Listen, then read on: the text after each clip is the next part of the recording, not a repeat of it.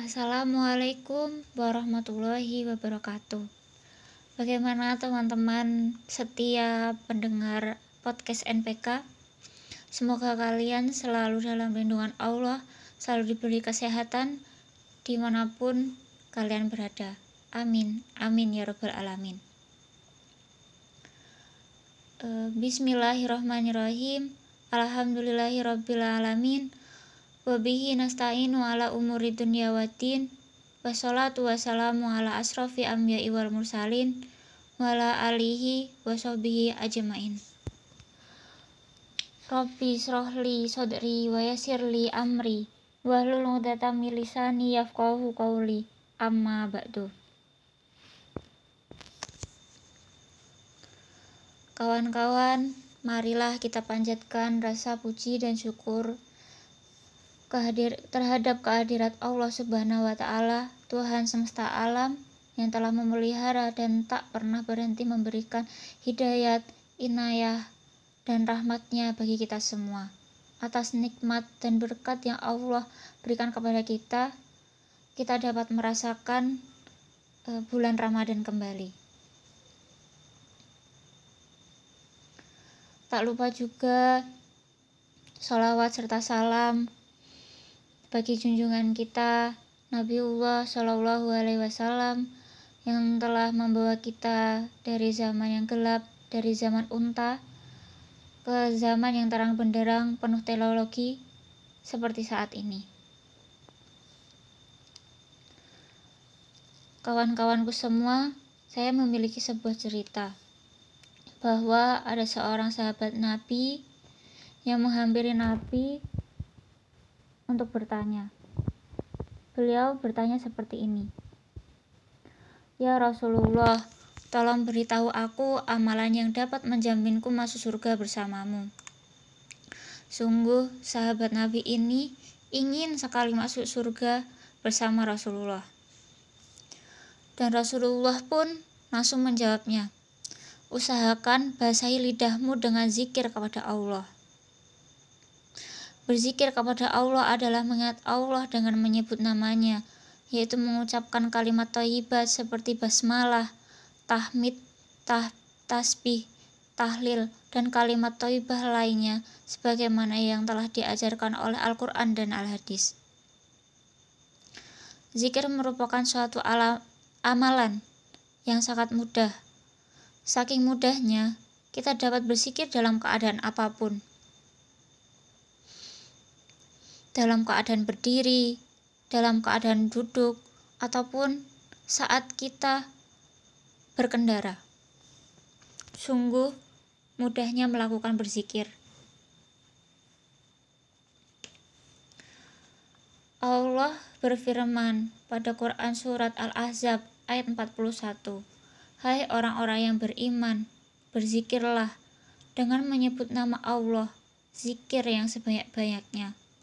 Ayat di atas ayat tersebut memerintah kepada kita untuk selalu berzikir kepada Allah sebanyak-banyaknya di setiap kesempatan.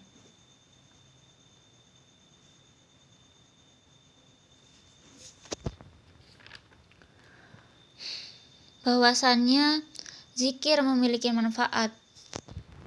Salah satunya adalah mengus dapat mengusir dan mematahkan kekuatan setan. Hal ini dijelaskan dalam hadis. Rasulullah pun bersabda yang artinya, ada salah seorang sahabat naik kendaraan bersama Nabi. Kemudian kakinya tergelincir. Lalu orang itu mengucapkan sialan.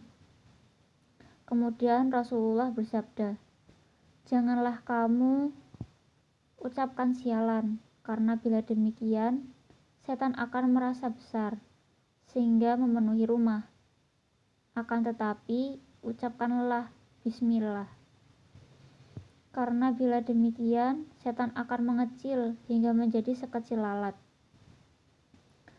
Hadis tersebut menjelaskan kepada kita untuk selalu mengingat Allah dalam peristiwa, dalam keadaan apa pun, yaitu dengan menyebut nama Allah dalam kalimat thayyibah. Hal tersebut juga disebutkan dalam firman Allah pada Quran Surat Al-Baqarah ayat 152 yang artinya Karena itu ingatlah kalian kepadaku niscaya aku ingat pula kepada kalian. Dan bersyukurlah kalian kepadaku. Serta janganlah sekali-kali kalian menging mengingkari nikmatku. Selain itu, zikir memiliki beberapa manfaat lain, yaitu dapat menjauhkan kita dari kegelisahan hati, dapat menjadikan kita orang yang sabar, melapangkan dada, membuat wajah bercahaya, dapat menarik rezeki menguatkan jasmani dan rohani kita, menenangkan hati, mendekatkan diri kepada Allah, membuka pintu makrifat, dan mampu menghidupkan hati. Sungguh banyaknya nikmat berzikir dan sungguh mudahnya masuk surga bersama Rasulullah.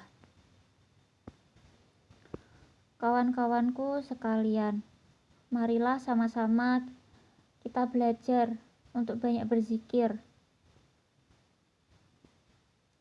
Dengan berzikir, kita akan selalu dimudahkan oleh Allah.